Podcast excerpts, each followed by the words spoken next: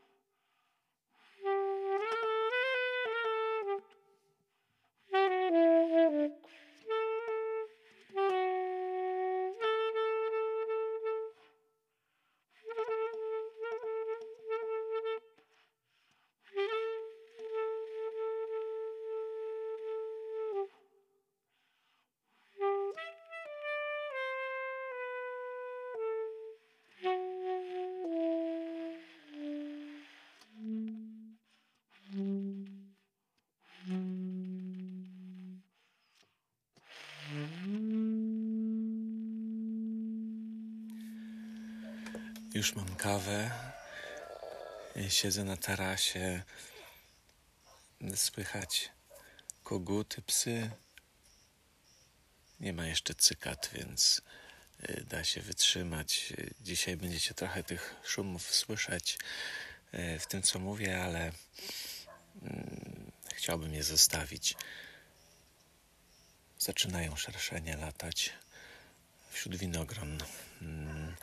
Jest coś niezwykłego w tym greckim mm, wakacyjnym byciu. E, przeczytam Wam fragment z dzienników Jorgosa Seferisa, greckiego noblisty, który mm, spędził tutaj w okolicy, gdzie jestem, e, kilka miesięcy w roku 1946.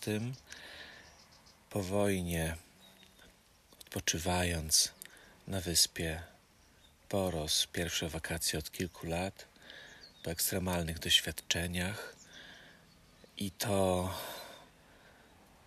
kilkutygodniowe zdrowienie, którego doświadczył Seferis, a jednocześnie doświadczenie krajobrazu i świata, który totalnie obezwładnia swoją prostotą, ale też w tej prostocie niezwykłym, poruszającym pięknem. To słowo nawet nie wiem, czy jest dobre. Przeczytam może. To światło, ten krajobraz, te dni poważnie zaczynają mi zagrażać. Zamykam okiennicę, by móc pracować. muszę się ochronić przed pięknem, podobnie jak Anglicy przed deszczem, a Beduini przed Hamsinem. Czujesz, jak twój umysł się opróżnia i staje się lekki. Długi dzień go pochłania. Dziś zrozumiałem, dlaczego Homer był ślepy. Gdyby miał oczy, niczego by nie napisał. Kiedyś widział przez ograniczony czas, potem zaś już nic więcej nie zobaczył. W Grecji biada ci, jeśli chcesz patrzeć przez cały czas. Musisz zmniejszać przesłonę, jak podczas robienia zdjęcia. W przeciwnym razie możesz sobie zaszkodzić. Kogut bardzo chce być z nami w tym e, podcaście. Tyle Seferis. E, no właśnie, coś takiego jest w tym krajobrazie, w tej przestrzeni, w tym świetle. Nazwałem dzisiejszy odcinek Wszystko jest pełne bogów. E, to jest skrócona wersja wypowiedzi Talesa z Miletu, tego samego, którego pamiętacie ze szkoły, jednego z pierwszych filozofów jońskich, tak zwanych jońskich filozofów przyrody. Są tylko małe fragmenty jego wypowiedzi. I ta, którą tutaj przywołuję, w pełnej wersji brzmi tak: Wszystko jest żywe i pełne bogów. Mówiłem o tym ostatnio, że Grecy starożytni rozróżniali życie Zoe i życie Bios. Życie Zoe to ta energia, która wszystko ogarnia sama, nieupostaciowana, czysta, nieśmiertelna, wszystko przenikająca, wszystko zawierająca. To jest Zoe, nieśmiertelne boskie życie, w które jesteśmy zanurzeni, tak jak w grecki krajobraz dzisiaj. Ja, kiedyś Seferis i Bios to te wszystkie żywe istoty, które animowane są przez Zoe, które tutaj dookoła teraz śpiewają, tańczą, latają, budzą się albo jeszcze śpią, albo właśnie udają się na spoczynek. E, te wszystkie e, pędy winorośli, e, te wszystkie oliwne gałązki drzew, te kwiatki, lawenda, szerszeń, który przefrunął. No, tak nostalgicznie się trochę robi, ale w takim jestem nastroju, bo można mówić o Zoe i o bios, ale najważniejsze jest to, żeby tego doświadczać, że wszyscy jesteśmy cząstką, cząstką boskiego życia. Tales powiada, wszystko jest żywe i pełne bogów. Tales i jego filozoficzni koledzy z tamtych bardzo odległych, zamierzchłych czasów, kilkaset lat przed naszą erą, e, dzielili to przekonanie, że życie jest wszechogarniające. Anaksymander, Anaksymenes to ci najbliżsi mu, ale, ale tak samo odczuwał świat Heraklit i, i wielu im współczesnych. Wszystko jest żywe. To właśnie to przekonanie, że życiem nieśmiertelnym jest świat, a my jesteśmy jego chwilową postacią. Zwykle wykłada się to w taki sposób bezpieczny dla współczesnej mentalności. No i mówi się, że to byli bardzo e, prymitywni myśliciele, którzy wyznawali tak zwany hylozoizm, czyli chyle materia, że ona jest zoe, czyli ożywiona, taki materializm bardzo archaiczny. Materia jest ożywiona, a to, czego szukają filozofowie, to arche, czyli przyczyna, początek, to, co wszystkim włada, ale że jako ci pierwotni, naiwni hylozoiści e, próbowali ową archeę wyłożyć jakoś dosłownie.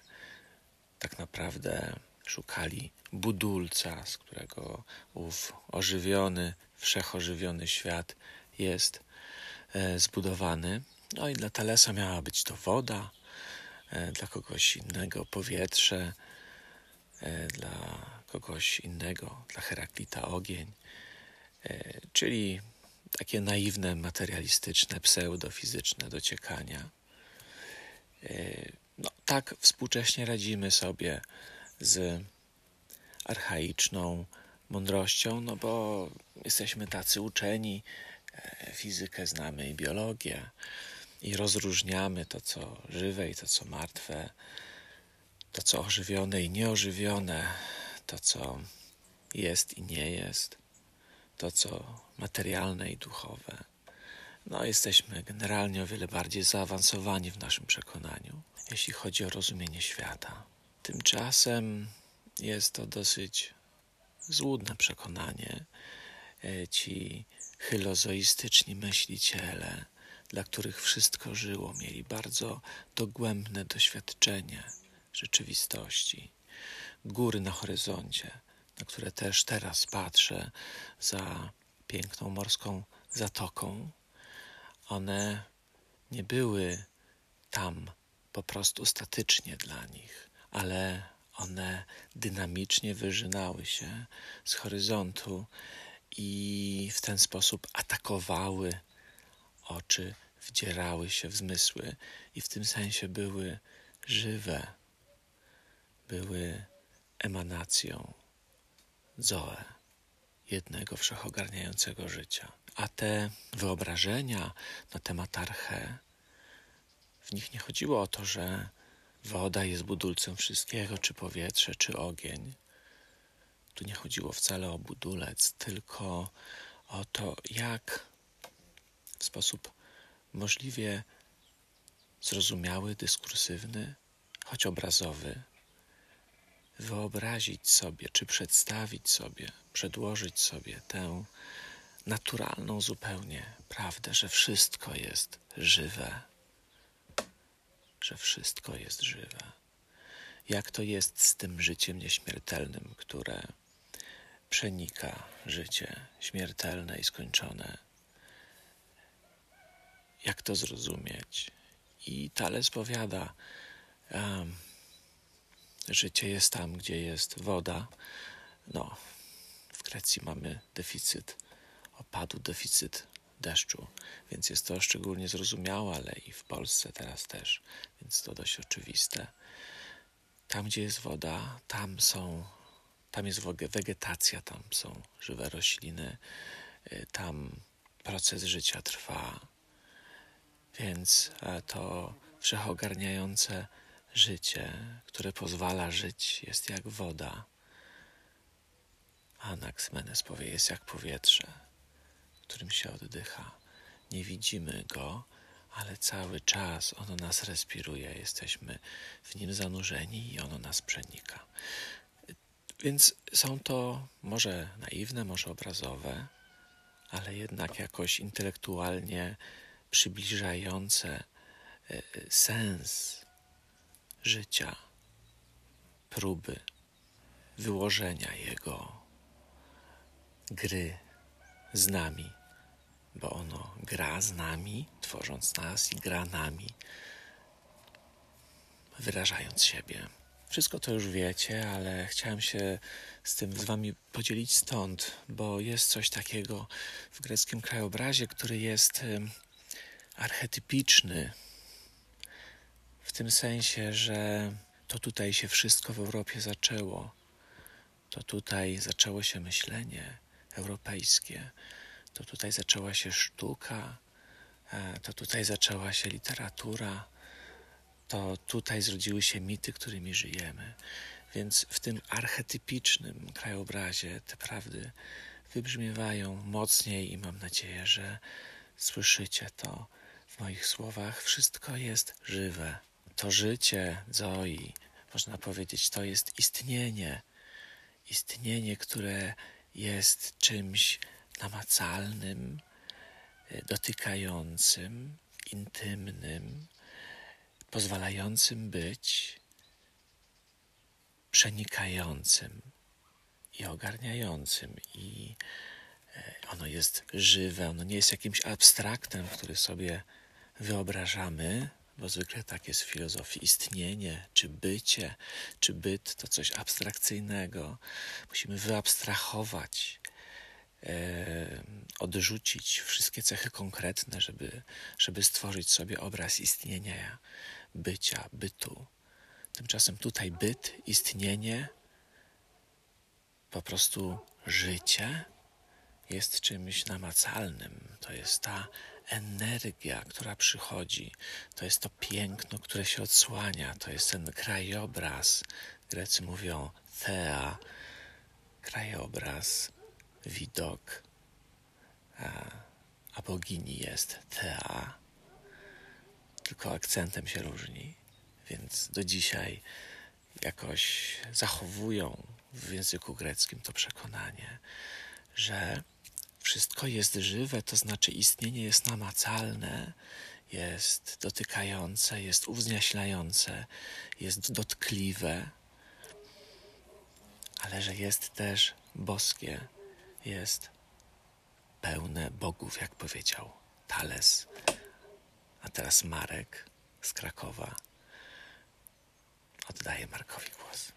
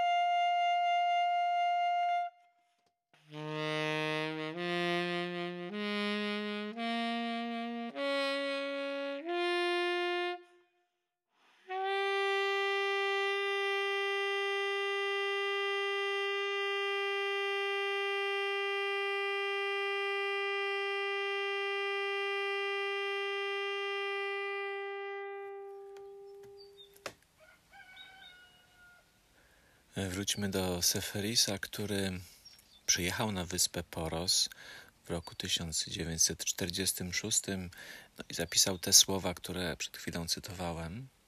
E, Seferis e, miał poczucie, rąbiąc codziennie rano drewno, to był październik, kąpiąc się w morzu codziennie, kilka razy, aż do listopada, delektując się krajobrazem, chodząc na spacery, Seferis robiąc to wszystko miał poczucie zdrowienia, powracania do jakiejś e, głębokiej normalności.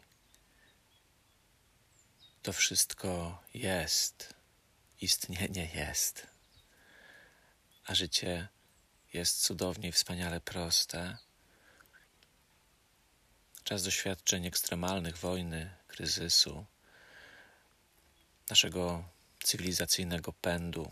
To wszystko sprawia, że się głęboko alienujemy, że istnienie staje się abstrakcyjnym pojęciem, nie komunikujemy się z nim, myślą o nim niektórzy filozofowie, teoretyzując,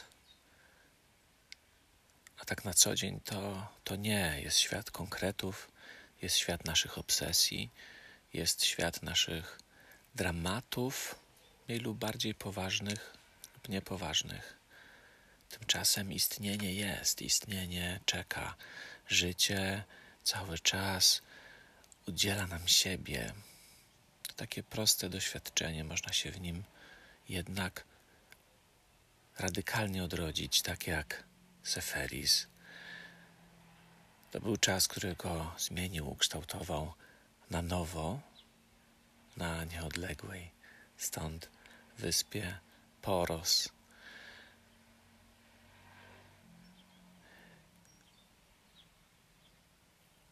W pewnym momencie Seferis zapisał jednak te słowa, że to piękno, ta siła istnienia, ten krajobraz, to światło i morze zaczynają mu poważnie zagrażać, że jest mu tak dobrze i błogo, że nie jest w stanie pracować, nie jest w stanie wypełniać swoich obowiązków. E, człowiek, który ciągle był przysypany zamówieniami na teksty, odczyty, który przyzwyczajony był do codziennego notowania, pisania, powiada: Jestem bezradny, zamilknąć wobec istnienia. To niezwykle ważne w sensie też naszego cywilizacyjnego życia, doświadczenie, doświadczyć tego, że się nie może, że się nie jest w stanie, że się po prostu jest, już bez słów. Mam podobne doświadczenie, jestem tutaj dosyć długo, kilka tygodni. Tak się w tym roku ułożyło, że jest to możliwe. Ale trzeba umieć to zostawić, trzeba umieć się na to zgodzić. Zobaczcie, życie nie pozwala mi mówić, życie się wdziera. Mówi jeszcze przez chwilę zamilknij, ale nie, ja chcę dzisiaj rzeczywiście do Was wypowiedzieć tych kilka słów. To była chyba kukuwaja przed chwilą, czyli sowa, choć nie jestem pewny, bo to poranek. Ja pierwszy raz usłyszałem tutaj śpiewającą sowę. Seferis musi zamykać okiennice, musi odcinać się od ekstatycznego krajobrazu, żeby myśleć, żeby doświadczać swoich myśli, żeby wywiązywać się ze zobowiązań. Ale kluczowy jest ten moment, kiedy ma to poczucie, że już chce zamknąć tę okiennicę i chce zacząć myśleć wcześniej. Pozwala sobie przez kilka tygodni na notatki, które w gruncie rzeczy e, mają w sobie taką e, bezpretensjonalność, może trochę zenowską abstrakcyjność. Tyle Seferis, świadek uzdrawiającej i obezwładniającej energii życia, zapisanej w krajobrazie, w słońcu i w morzu. A ja bym chciał wrócić teraz do tego kluczowego tematu, czyli że wszystko jest pełne bogów, bo wszystko jest żywe. To już wyjaśniłem, wszystko jest w związku z tym uzdrawiające, kiedy się to słyszy. Wszystko jest ekstatycznie pociągające. Ale dlaczego jest pełne bogów? Poprzedni, jeden z poprzednich odcinków podcastu nazwaliśmy z Markiem w ten sposób: Nie ma Boga, jest życie. A teraz mówię, że jest życie, wszystko jest życiem. E, życie jest, istnienie przychodzi. I tytułuje to wszystko jest pełne bogów. Skąd ten paradoks? Nie ma Boga, a wszystko jest pełne bogów. Chciałbym wyjaśnić, wytłumaczyć się z tego.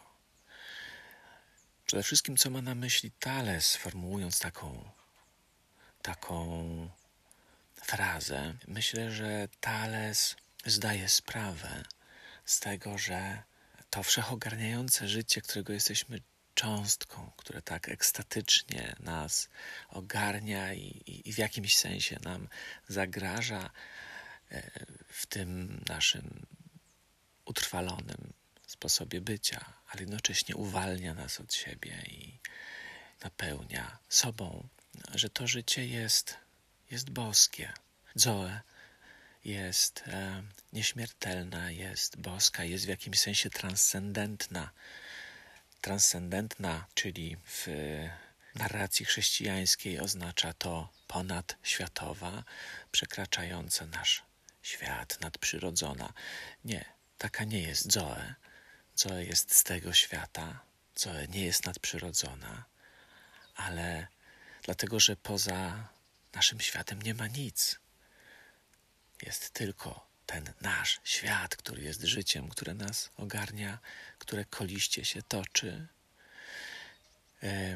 Ale właśnie to życie, ten nasz świat, e, który jest Jego pędem, Jego przemianą, Jego wychodzeniem i powracaniem do siebie, właśnie ten nasz Świat jako życie jest transcendentny, to znaczy przekracza nas jako indywidualne byty, jako indywidualne, chciałbym powiedzieć, stworzenia, może lepiej powiedzieć, żywiny, organizmy, istoty. Ono nas przekracza, tworzy nas. My nie jesteśmy w stanie go ogarnąć, nie jesteśmy w stanie nad nim zapanować, i w tym sensie jest boskie, jest nieśmiertelne a więc pełne bogów, to znaczy przepełnione życiem, ogarnięte życiem, które jest boskie. Ale boskość i bogowie to przecież nie to samo, więc trzeba jeszcze to podrążyć. Wszystko jest pełne bogów. Boga nie ma. Nie ma Boga, który by panował nad tym życiem, który by z zewnątrz je aktywował, domykał, sterował nim. Ono jest wolną, samowładną, transcendentną dla nas boskością, samożycie, bezpodstawną. Nie da się powiedzieć, dlaczego jest. Ono jest, jest naszym dlaczego, które samo jest bez dlaczego. Jest światłem i życiem i morzem ogromem, bezkresem i ono jest boskie i to jego doświadczenie sprawia, że może Tales powiedzieć wszystko jest pełne bogów. Ono napełnia wszystko bogami. Nie ma Boga jednego, w którego się wierzy i który to wszystko przekracza, ale owo życie, boskie życie napełnia wszystko bogami. Można powiedzieć, że co Augustyniak zwariował jest politeistą.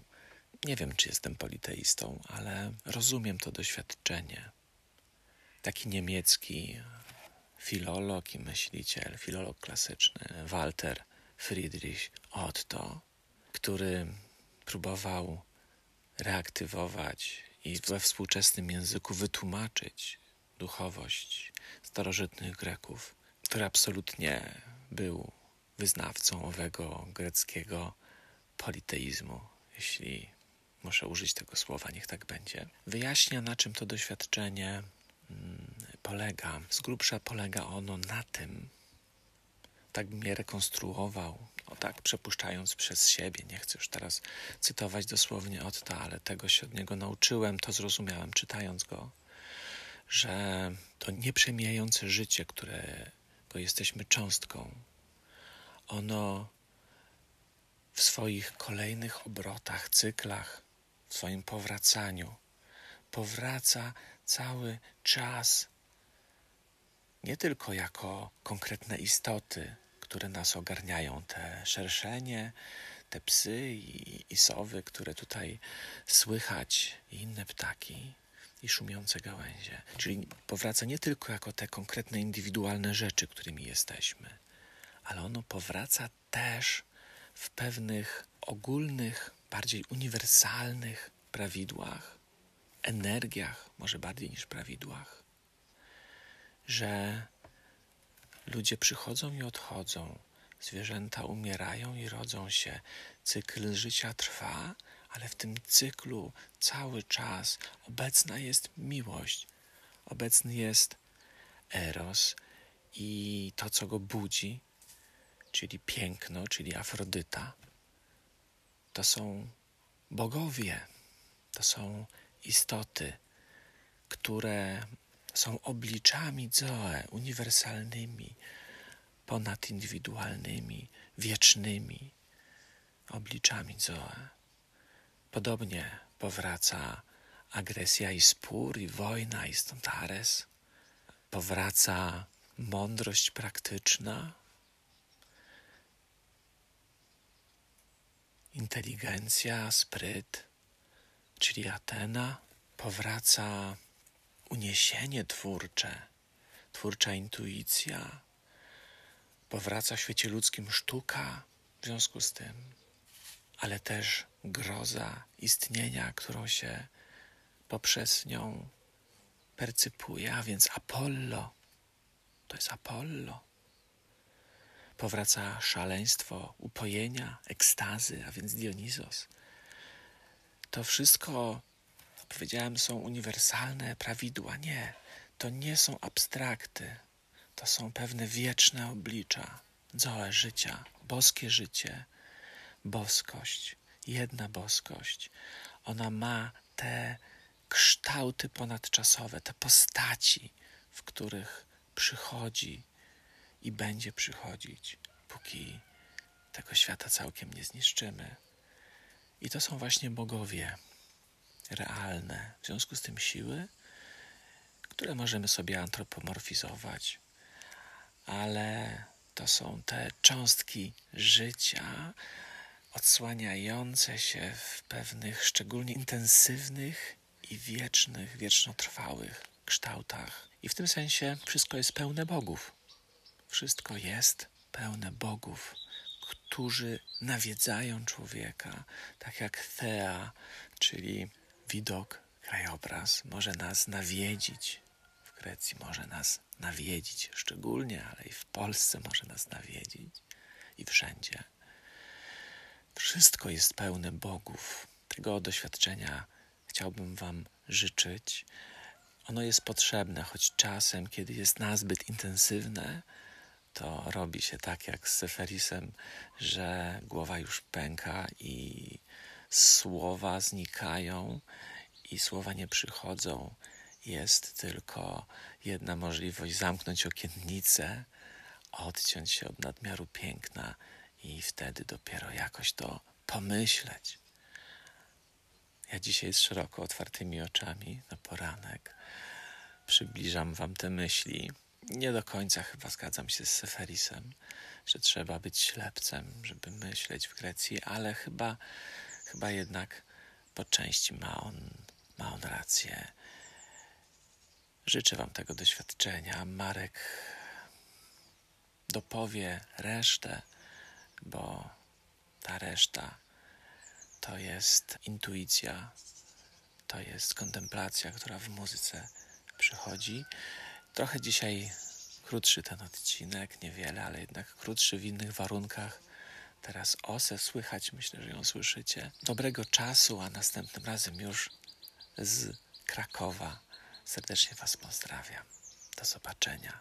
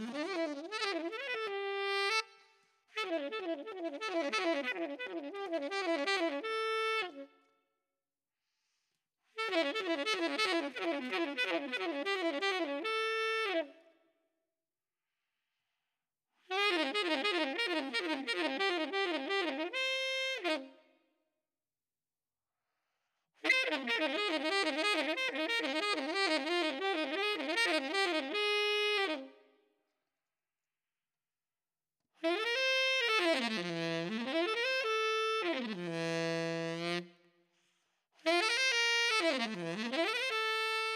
you.